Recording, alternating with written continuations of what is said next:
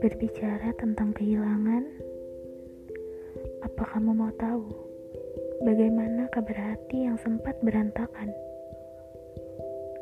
Hati yang sempat merasakan patah, hati yang sempat kamu buat bahagia lalu kamu tinggalkan. Lagi-lagi tentang cinta.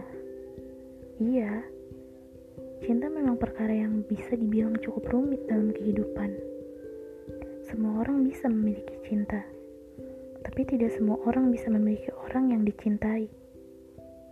Ada yang rela begitu saja menahan rasa dalam diam, dan tak jarang ada juga yang merasa kehilangan sebelum memiliki. Hmm, ngomongin tentang kehilangan sebelum memiliki, ngingetin gue sama sebuah pengalaman yang pernah gue alamin. Di mana gue kehilangan seseorang yang belum sempat gue miliki.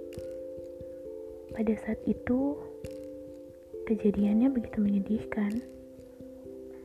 Mungkin bisa dibilang cinta bertepuk sebelah tangan sih.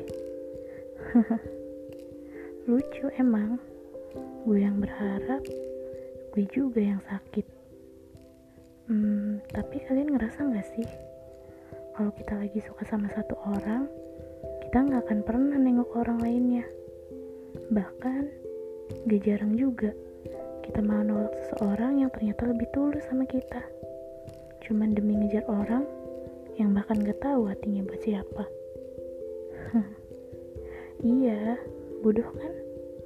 Sampai pada akhirnya, perlahan semua mulai terasa nyakitin. Dia yang kita kejar justru malah pergi ninggalin hati yang kondisinya hancur berantakan. Dan kalian pasti tahu endingnya bakal gimana. Kalau udah sakit dan udah kehilangan, kita baru sadar siapa yang lebih tulus. Tapi pas kita nyadarin itu, kita udah terlambat. Karena yang tulus bakal susah datang ketika sudah disakitin. Oh iya, ada satu pelajaran nih yang bisa kita ambil, yaitu jangan menyia-nyiakan yang tulus demi orang yang belum tentu bisa kita milikin. Karena sering kali kita hanya mau menurut ego sendiri, padahal itu yang membuat kita hancur pada akhirnya.